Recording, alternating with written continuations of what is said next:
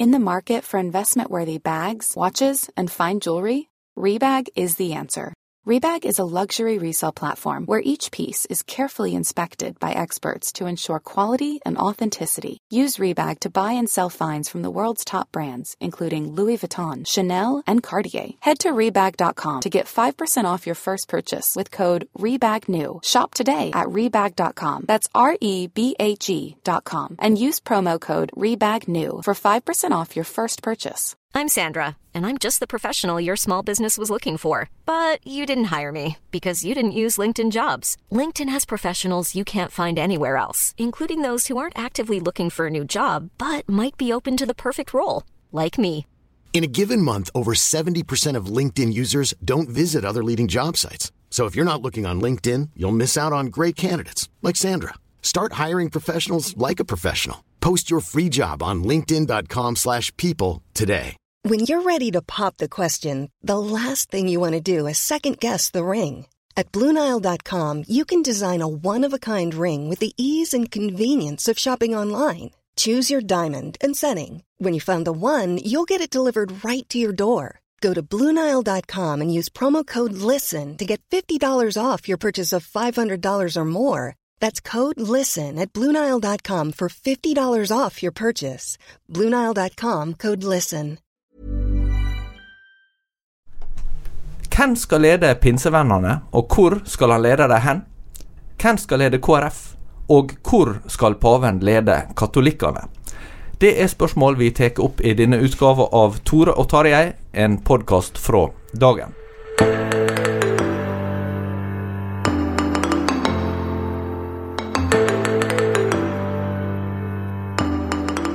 Her sitter vi i studio, Tarjei Gilje, Astrid Dalhaug Norheim, som er nyhetsredaktør i Dagen, og jeg, Tore Hjalmar Sævik, som er journalist i Dagen. Og eh, vi er kommet et stykke ut i februar, og eh, vi eh, har nye ting på tapetet. Hva er det vi skal snakke om i dag, Tarjei? Vi kan jo begynne med å snakke om en etter hvert omtalt kattenavnefest. Det var jo Dagens Næringsliv sin tittel òg. Det er jo en sak som nesten er litt for god til å være sann. Eh, onsdag kveld i forrige uke så skulle det være regjeringskonferanse, og partisekretærene var òg invitert sammen med regjeringsapparatet. Eh, så er det jo kjent at eh, KrF sin partisekretær Hilde Frafjord Jonsson var på Hareide sin side, og dermed tapte kampen. Så hun var ikke til stede, viste det seg på denne middagen, eller denne sammenkomsten de hadde. Derimot var hun sterkt til stede på en privat middag hjemme hos kirkerådsleder Kristin Gunnleiksrud Råum. Og Der var hun ikke alene, der var hun sammen med stortingsrepresentant Geir Jørgen Bekkevold og hans rådgiver, snart KRIK-generalsekretær Silje Kvamme Bjørndal. Eh, Og Det som ble litt sånn artig, da, var at de i løpet av kvelden la ut bilder på eh, Facebook-sidene sine eh, om, om kattunger som kirkerådslederen da hadde, og som hadde fått navnene Knut Arild og Geir Jørgen. Så det hele ble jo en litt sånn eh, Ja, hva skal man si? En ganske sånn artig da markering av eh, at her hadde noen ting gått annerledes enn de hadde tenkt. Eh, og deres, eller hennes, da fravær hjemme hos statsministeren ble jo ekstra påfallende. Hva er dette uttrykk for, Astrid? Nei, jeg må jo si at jeg har en viss forståelse for at uh, man prioriterer uh, navnefester. Da. Nå, som hundeeier ville jeg kanskje forstått det, iallfall hvis det var hundenavnefest eller valpenavnefest.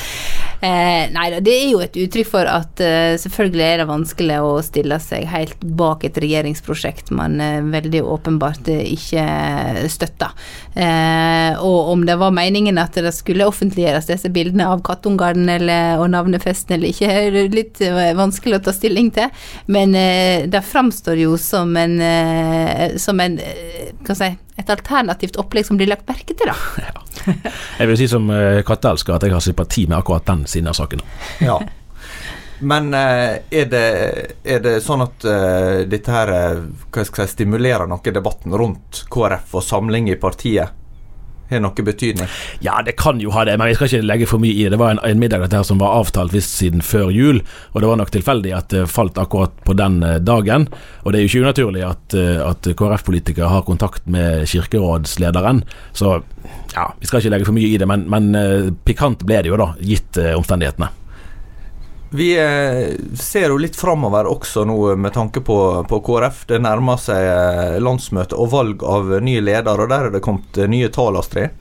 Ja, eh, det var veldig interessant i NRK i dag. Eh, De hadde en eh, undersøkelse der de har tatt kontakt med de som tidligere var listetopper for eh, Venstre og KrF. Og saken i NRK ble jo naturlig nok eh, vinkla på Venstre, der en del listetopper nå ikke lenger har eh, den eh, tilstrekkelige tilliten til partileder Trine Skei Grande. Men nede i den saken så viser det seg at eh, det er veldig stor oppslutning om Ropstad i KrF. Og gitt de siste måneders eh, bruduljer i partiet, så var ikke det helt eh, opplagt. Eh, Den undersøkelsen som eh, NRK har gjort, eh, viser at eh, 71 av de som altså var listetopp for KrF ved forrige valg, mener at Ropstad er godt egnet til å lede partiet. Og det kan vel kanskje tyde på at det blir en oppslutning om han som leder. og At den oppslutningen ser ut til å være større enn det man trodde det kom til å bli. Men nå har det vel også vært avklart at eh, det er noen av de som har vært påtenkt som utfordrere, som eh, sier de ikke er aktuelle. Det har nok vært veldig gunstig for partiet at de faktisk har eh, lufta så veldig godt mulighetene for om eh, Olaug Bollestad skal gå på, eller om Hans, Olav Syversen skulle gå på som leder, og at eh, det har blitt veldig tydelig at de ikke er aktuelle. Eh, og det som da skjer, er at man ser ut til å samle seg eh, om Ropstad, selv om dette er tidligere listetopper og ikke landsmøtedelegater. Men likevel så indikerer det nok at eh, nå samler de seg rundt han, ser det ut som. Er det overraskende, Tare? Nei, egentlig ikke. Jeg kan jeg skyte inn her for the record at, eh, at Ropstad og meg har en sånn perifert slektsbånd ved at hans kone altså er søsteren til han som er gift med min søster. Ja. Det tror ikke, det, den er ikke lett å følge Nei, men den er litt er avansert. noe Men vi er da onkler til noen av de samme barna, bare sånn at det er sagt. Eh, Så er det etablert. Eh, Nei, altså jeg tror jo flere etter hvert vil se at man kan være enig eller uenig i strategien han valgte i, i den interne kampen i høst, og i hvor mye lurt det var å kjøre abortsaken såpass høyt, men grunnleggende er det jo på det rene at det var ikke han som satte i gang kampen, det var det Hareide som gjorde, eh, og han tapte, eh, og da eh, er det den som vant som må få et visst handlingsrom. Og jeg vil jo tro egentlig at frem mot landsmøtet og etter landsmøtet at det blir mer samling internt etter det. Jeg kom til å tenke på, når du nevner Venstre, et gammelt eh, ordtak eller sitat, så jeg vet ikke hva opphav det har, men eh, det blir jo sagt om eh, to menn at de var begge venstrefolk og sto såleis langt fra hverandre politisk. Ja. Og eh, vi blir vel kanskje kjent med det nå igjen, da. At Venstre, som Norges eldste politiske parti, faktisk, fra 1884, eh, viser seg å være et av Norges minste politiske parti, men også et av de med størst eh, bredde internt. Jeg leste en interessant analyse nå at eh, i motsetning til f.eks. Senterpartiet og KrF, som, som i hvert fall i utgangspunktet har et ganske tydelig definert eh, bakland, så har Venstre et eh, politisk prosjekt, men ikke så mye et bakland. Eh, og at det er kanskje noe av det som er utfordrende for de akkurat nå. Ja. Og I tillegg så er jo den eh, konflikten som nå står og alle de bruduljene som er der, er jo mye knytta til personen Trine Skei Grande og hennes lederstil, mer enn at de er uenige i sak. Ja. Så er det også viktig å minne om at både Bondepartiet, som det i sin tid het, og eh, KrF eh, har jo sprunget ut fra Venstre. Akkurat. Vi skal ikke snakke bare om politikk, vi skal videre til Oslo Fjord Convention Center. Stemmer. Eh, der var du nå i helga, Tarjei. Hvorfor det? Der, det er jo blitt det nye innstedet for større kristelige samlinger i kongeriket. Det er vel ingen eh, arenaer i landet som kan eh, ta imot så mange, og samtidig ha store møtearrangementer. Eh, der var pinsebevegelsen eh, samlet til den årlige LED-konferansen. Eh, den nyheten som kanskje fikk mest oppmerksomhet, var at nå tyder alt på at Øystein Gjerme, pastor i Salt, blir en slags styreleder, altså det som heter leder i lederrådet. Valget skjer ikke før nærmere sommeren, men alt tyder nå på at det er han som, som får det vervet etter Sigmund Kristoffersen. Så det var jo, det var jo det nyhetspoenget, men det var òg interessant å merke seg, eh, syns jeg, eh, samfunnssatsingen, eller samfunnsengasjementet som var temaet for årets samling. Eh, Der sto andre Øystein Gjerme på scenen og sa at Guds rike er større enn menigheten, og det kan jo høres opplagt ut. Men både i pinsebevegelsen og i en del andre sammenhenger så har man jo lagt i senere tid veldig mye vekt på nettopp gudstjenestene og gjøre de mest mulig tilgjengelige og spisse profilen og, og få de til å bli eh, altså strømlinjeformet etter det idealet eh, man har. Eh, og, og, det er en kjent sak at det er en del som har opplevd seg gjerne kallet til å drive politikk, eller til å drive altså innenfor utdanning eller næringsliv, som har opplevd at det ble sett på som litt mindre eh, åndelig, da, eller litt mindre foretrukket. Eh, og der er det en dreining. Eh, og Det kom en bok som Herman Holland i Skaperkraft eh, hadde skrevet, og, og både Kjell Magne Bondevik og eh, statsråd Dag Inge Ulstein var til stede og fortalte hvordan troen preger de i deres politiske virke. Det tror jeg har ganske stor betydning, ikke minst for de unge eh, pinstelederne. Det er jo en 1400 av de eh, som gjerne ikke har sett det her før. Og, og, og det å ha en statsråd som står på scenen og snakker som en predikant blant pinsevenner, det, det setter nok spor. Du Astrid har jo fulgt norsk kristenliv eh, som journalist i over 20 år. Eh, hvordan oppfatter du signaler fra, eh, fra pinsebevegelsen og led? Er dette noe nytt? Det er kanskje veldig gammelt, først og fremst. Fordi at som mange kristne har jo vært opptatt av at det å være kristen og det å ta stort samfunnsansvar henger veldig tett sammen. Eh, så jeg vil nok først og fremst si at eh, det er noe veldig gammelt og slitesterkt eh, over det. Men det har nok kanskje vært en del år da det har blitt veldig stor oppmerksomhet rundt menighetsbygging, rundt menighetsvekst, rundt hvordan man skal få folk til å komme til menigheten. Vi hører historier om folk som opplever at de kan leve et helt liv i menigheten uten å ha noen venner som de ikke deler troa med, f.eks., og legge ned alt sitt engasjement engasjement i kirkesamfunnet. Eh, og det, det er kanskje en liten reaksjon på det, og påminning om det. Mm. Eh, hvordan er status ellers i eh, pinsebevegelsen? Hva oppfatter du av eh, nyheter som, eh, som, rører seg? Det man kan observere, i hvert fall er jo at de har hatt de siste syv årene det vel, en målrettet satsing på å få etablert barne- og ungdomsarbeid i flere menigheter. og Det er jo ganske åpenbart at det vil være avgjørende for eh, fremtiden til disse menighetene. Eh, og det er kjekt å se at det lykkes, i den forstand at det er faktisk vesentlig flere menigheter som har eh, et slikt arbeid nå enn det var for, for, noen år siden. Og de har folk som reiser rundt og, og støtter og hjelper og stimulerer til innsats lokalt. Og det ser ut til å bære frukt. Og det er jo at I breie Kristen-Norge det er mange piler som peker nedover, og da blir man jo ekstra glad når man ser at, at faktisk at satsing kan gi positive resultater. Du var inne på det i en uh, kommentar du skrev fra led, at uh, pinsebevegelse den kan deles på litt forskjellige måter. At, uh, at uh, menigheten har litt forskjellig preg eller kultur. Kan du forklare litt hva, hva du tenker på? Ja, altså både i i Norsk Luthers Misjonssamband f.eks., og i pinsebevegelsen, sant, som representerer litt ulike deler av norsk kristenhet, så er det ganske stort indre spenn hvis man, hvis man har litt sånn antropologiske briller på. Uh, I pinsebevegelsen kan du si at du har altså Salt og Hillsong, som ikke er helt like, men som har en del likheter. Som er den kanskje mest typisk moderne, tidsriktige delen, med, med vekt på moderne kommunikasjonsmidler og, og estetikk. Uh, og så har du òg en del tradisjonelle mindre pinsemenigheter rundt omkring både i, i, bygder og byer som, som, ligner mer på sånn som pinsemøter gjerne var for noen generasjoner siden. Og så har du jo de store sentrumsmenighetene, Fidelfia-kirken i Oslo, Fidelfia Kristiansand og i Vennesla, Tabernaklet her i Bergen, Klippen i Sandnes, Betel i Trondheim. Selv om det er òg en del innbyrdes variasjoner de imellom, som er mer altså de tradisjonelle generasjonsmenighetene, som de gjerne kaller seg for uh, sjøl, som fremdeles er liksom den største delen av bevegelsen, er nok der. Men det er ikke ikke de som har fått mest oppmerksomhet i uh, senere tid. Det tror jeg vi eh, fra vår side i dagen må prøve å gjøre noe med. At vi må speile en større bredde da, av bevegelsen. Jeg husker For eh, mange år siden så skrev nåværende førsteamanuensis ved NLA høgskolen, Knut Veitereid, som er kjent som en forfatter og formidler gjennom mange år, ikke minst retta mot unge, at han vokste opp mellom to Martiner. Det var Martin Luther på den ene sida og Martin Smith på den andre. Og sistnevnte han gikk i klassa til Tveitereid. Det var noe så sjeldent som en intellektuell pinsevenn.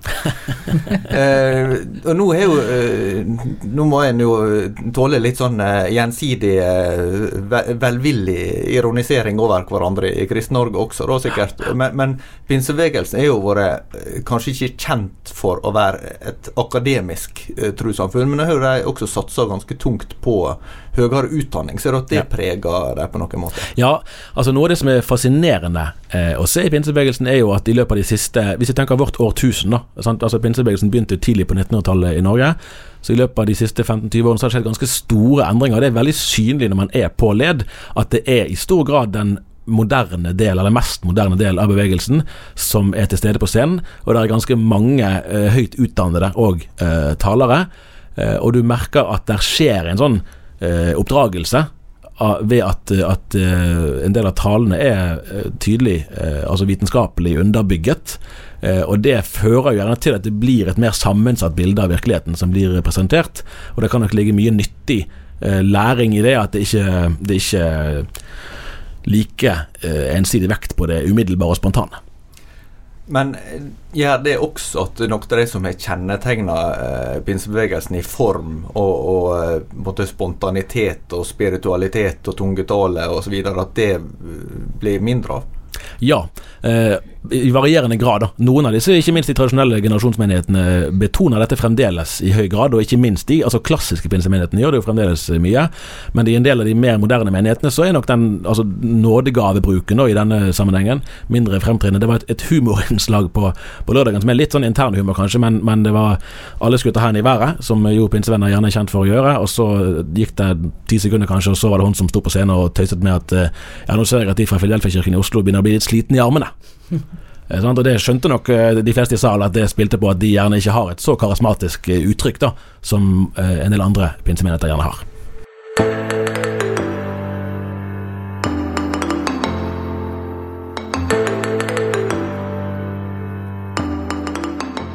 Vi går videre til en helt annen kirkelig sammenheng. Astrid, du har også vært østpå, i Oslo, på årsmøtet i Åpen folkekirke. Hva var det som skjedde der? Det har jeg. Jeg var der på lørdag, på MF. Eh, og jeg har jo et litt sånn her eh, vanskelig forhold til kollektivtrafikk i Oslo. Så eh, etter å ha fått, en, eh, fått, beskjed om å gå av toget og gå på eh, eh, T-banen, så gikk jeg av toget og gikk på trikken. så jeg, jeg kom fram etter hvert. Um, det er mye enklere når du er oppvokst i Sogn, vet du. Så kjører du enten inn fjorden eller ut fjorden. Nei, det var på årsmøtet i Åpen folkekirke, og jeg reiste der egentlig med to uh, spørsmål. Uh, det ene var um, den veldige Eh, debatten som har vært etter utnevningen av eh, biskop i Stavanger, eh, og hvordan Åpen folkekirke stiller seg til det, det valget. Opplever man, Vil man heie på at Kirkerådet gjorde den ansettelsen, eller tenker man at, at man skader bevegelsen med, med den veldige bråket som har vært i etterkant? Det var det ene jeg lurte på. Det andre som jeg har hørt det mange som har stilt spørsmål om de siste åra, er Eh, det at de vant jo kirkevalget med et brak eh, for tre år siden, til høsten. Nå i september er det nytt kirkevalg. Eh, hva skal de nå mobilisere på, når, når ekteskapsliturgien for likekjønna par er innført? Hva skal de få det norske folk til å gå til stemmeurnene for? Hva sak? Ja, Fikk du noe svar på det? Ja, eh, faktisk så var det to av de temaene som var veldig framme i debatten. Eh, eh, årsmøtet ga eh, en rekke stemmer, gikk på talerstolen og ga Kristin Gunnleiksrud Råum og de andre i Kirkerådet kred, eh, ros, for ansettelsen av Stavanger biskop. Eh, vi hadde vært en helt annen plass nå hvis dere ikke hadde gjort dette her, osv. ble det sagt. Eh, og det var helt entydig. Og det så du at det gjorde godt for Gunnleiksrud Råum, som har stått i en stor storm etter den bispeutnevnelsen. Det andre spørsmålet om hva sak de skal vinne uh, kirkevalget på. Det var veldig interessant, for at i, i uh, saksdokumentene som var sendt ut på forhånd, som da skrevet for noen uker siden, så er det nettopp gjort et poeng av at nå lurer vi på hva, hva sak vi skal kunne mobilisere på og samle uh, oss rundt. men det går det er snakk om at det kan komme en liste, sto det i sakspapirene. En alternativ liste til kirkevalget. og nå er det jo kjent at bønnelista har fått inn noen underskrifter til å kunne stille liste i de ulike bispedømmer. Det er veldig uklart hvor mange lister de faktisk klarer å stemme. Fristen går jo ikke ut før i april. Eh, men det er altså ei konservativ eh, liste som ved et politisk valg. ikke sant? Så har du ulike lister. Eh, ved kirkevalg har du vanligvis hatt én liste. Ved forrige valg hadde du to. Den, den, den ordinære, altså den som heter nominasjonskomiteens liste, og Åpen folkekirke. Men nå kommer det altså en ny ei. Og den, eh, den eh, var det tydelig at Åpen folkekirke vil mobilisere mot. Eh, så det ble valgkampsaken deres. Eh, å mobilisere mot den lista de, i frykt for at eh, de skal vinne fram, og dermed ta vekk eh, de de ser på som en rett for likekjønna par til å gifte seg i kirka. Men hvor realistisk er det? Altså Det er jo veldig tidlig å si, for vi vet jo ikke noe om omfanget. Vi har ikke prøvd eh, dette, Kirka har ikke prøvd det før. Eh, så det er Men det er nok mange som vil stille akkurat det spørsmålet. Eh, både hvor store kan bønnelista bli, eh, og er det da mulig å reversere? Eh, det er nok spørsmål vi kommer, kommer til å stilt mer framover. Jeg vet ikke hva du tenker, Tarjei? Altså Et av de grunnleggende grepene til Åpen folkekirke er jo at de går inn i dette eh, som politikere, og bruker de dynamikkene som gjør seg gjeldende i vanlige politiske valg. Og da er jo et av de premissene der at man trenger noe å mobilisere imot. Og her er nok bønnelisten en sånn ganske gunstig motstander for de. Man kan si at det vi har nå kjempet for og vunnet, det står på spill. Kanskje taper vi. Stem på oss. Eh, dermed fremstår det som at det er en trussel, og da er det mer eh, Altså da er det lettere å, å, mobilisere. Det er høyst usikkert hvor stor trussel denne bønnelisten egentlig er, eh, men, men du, man får den dynamikken eh, i gang. Eh, noe av det som er fascinerende, syns jeg, med å lese rapportene fra årsmøtet, er jo at fra for mange konservative da, i, i både Den norske kirke og i norsk kristenhet for øvrig, så vil man jo si at Åpen folkekirke seiler en kolossal medvind. De får det de peker på, og har storsamfunnets eh, unisone støtte, mens de konservative blir mer og mer spake fordi at det koster etter hvert så mye å stå frem. Mens da samtidig står kirkerådslederen på talerstolen og er fortvilet over at de ikke eh, oppleves som samlende. At, og, og, vi må jo ha respekt for at det er hennes, hennes reelle opplevelse, og det er interessant å prøve å, å forstå hvordan er det eh, hun resonnerer, eh, og de resonnerer eh, seg frem til den slutningen, for da er jo virkelighetsopplevelsen ganske motsatt. Men sånn er det jo litt i Norge. At, at, de som kaller seg konservative, opplever seg selv å være i en, i en minoritet. Mens da deres motstandere vil gjerne si at det er de som er den absolutte majoritet i dette samfunnet med tusen år lange kristne røtter og alt dette. Hvis vi skal skissere litt de, de kirkelige prosjektene til disse to listene, kan, kan, du si noe om det, Astrid? Hva er det de, de vil? Ja, altså Bønnelista har jo markert seg som en uh, konservativ uh, liste. Vi kjenner ikke veldig mye til programmet og sånn, men de, de, er jo bl.a. imot den liturgien, ekteskapsliturgien. Det er jo en veldig viktig sak. Eh, når det gjelder eh, Åpen folkekirke, så brukte jeg òg litt tid på å prøve å se hva er det de vil. Eh, og det, er, det de er jo opptatt av, da, er jo rettigheter for LHBT pluss, øh, så det begrepet de brukte. Uh, at de skal fortsette å bli uh, innført i Den norske kirka. Øke kompetansen rundt det. de er veldig opptatt av at homofile og lesbiske prester skal kunne ansettes i alle bispedømmer. Så du har den, som er en kampsak som er kjent. I tillegg så syns jeg det er litt interessant å legge merke til at de bruker, vi ganske mye plass til kirkeordning. Eh, rett og slett. Arbeid, det er brukt mye arbeid på skal det være én eller to arbeidsgiverlinjer, og den, eh, de ordningsspørsmål og kirka som arbeidsplass eh, er noe som er, ha, ja, de bruker ganske mye eh, tid og energi på. Og en tredje ting er kirka som også kulturarena. Eh, er viktig for dem. Så har de sjøl eh, påpekt i årsmeldinga si at eh, det teologiske utvalget og diakoniutvalget deres har fått jobba veldig lite. Og det ble òg etterspurt fra talerstolen at de måtte jobbe mer med teologien. Det var jo også en sak som jeg skrev om nå for ikke så lenge siden, der um, Gard Sandaker Nilsen, som er leder i Åpen folkekirke, ønska at Den norske kirke skulle følge etter Church of England, som uh, nå har introdusert en slags uh, forbønns, uh, forbønnshandling for mennesker som skifter kjønn. Mm. Uh, men det virker jo som om veldig mye av prosjektet er knytt nettopp til kjønns- og seksualitetsspørsmål. Altså, snakker det noe om rekruttering til kirkelige stillinger og, og hva, hva Den norske kirke skal gjøre i ei virkelighet der en eh, taper ganske mye oppslutning og, og mm. opplever at færre kommer til gudstjeneste osv. Altså det er jo åpenbart at det er spørsmål som knytter til kjønn og identitet som har vært mobiliserings- og kampsaker deres. Men som eh, Sandaker Nilsen sjøl eh, påpekte, eh, nå er ikke vi i opposisjon. Nå er det vi som er i posisjon, og vi kan ikke bare klage, som han sa.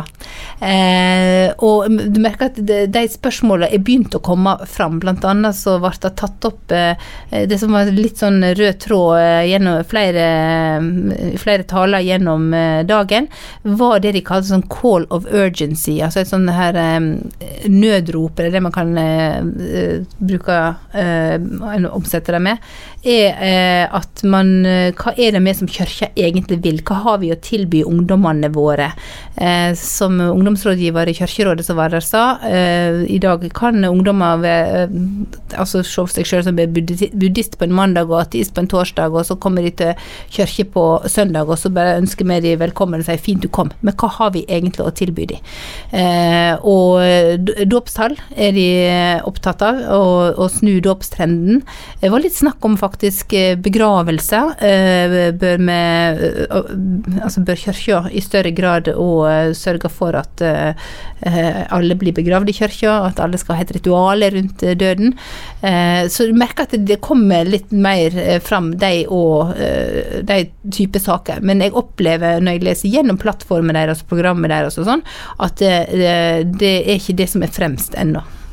Til slutt eh, beveger vi oss litt uh, utenriks. Det var jo et uh, ganske epokegjørende møte som uh, fant sted i, altså på den arabiske halvøy nå i forrige uke. Da er det første gang i historien at en romersk-katolsk pave er på besøk der. Eh, og pave Frans eh, signerte bl.a. ei eh, erklæring sammen med eh, da storimamen av eh, Al-Azhar-universitetet i Kairo, som er regna som den fremste sunni-islamske lærde i verden. Og den har skapt litt eh, debatt i eh, våre spalter. Kan vi i korte trekk oppsummere hva dette her er, er snakk om? Jeg har akkurat nå gjort klart en kronikk av professor emeritus ved MF Bernt Offestad katolikk Eh, som kommer på trykk i papiravisen på eh, fredag. Eh, og han er ganske hard faktisk i kritikken av, av paven.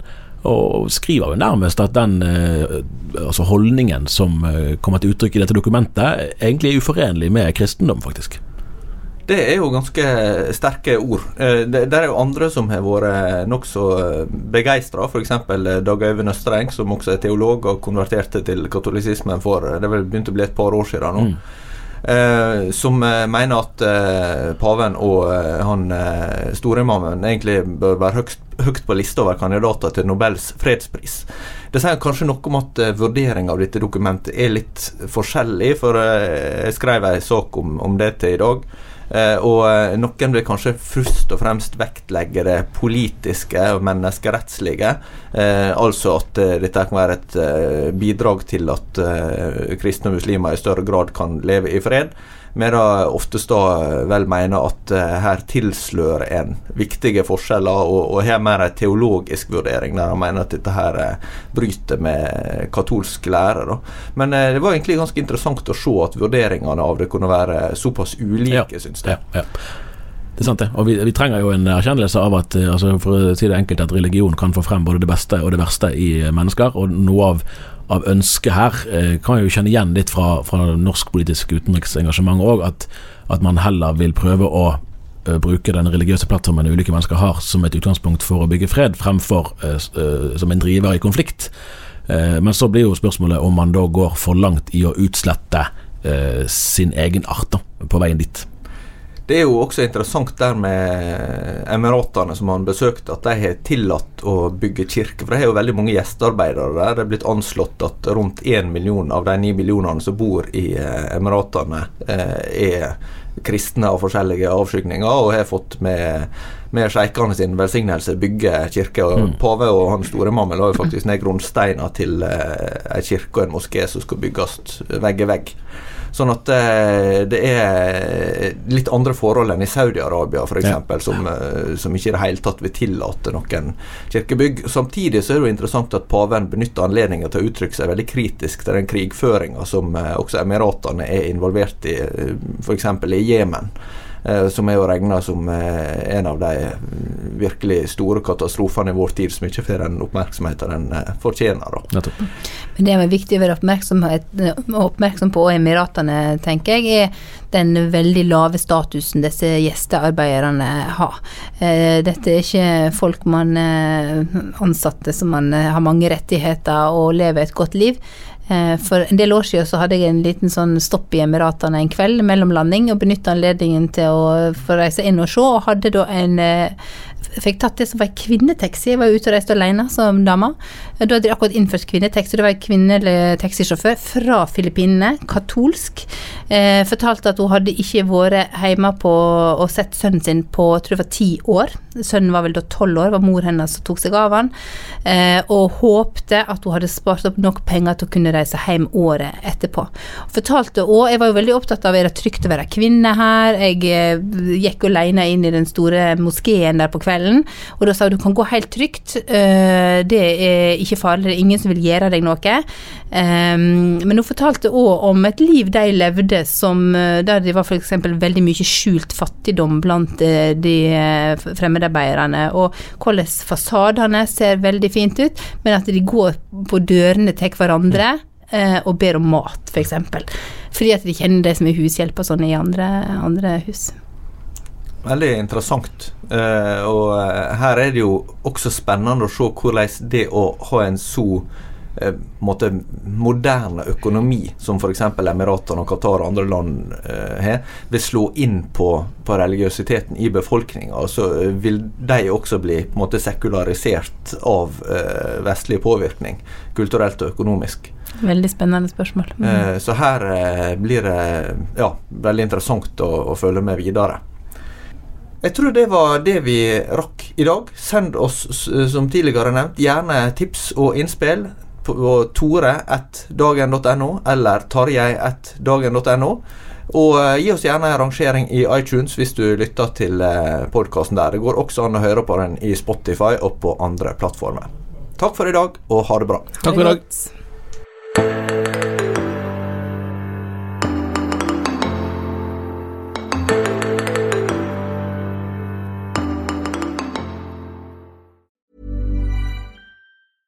Hey, it's Paige DeSorbo from Giggly Squad. High quality fashion without the price tag. Say hello to Quince.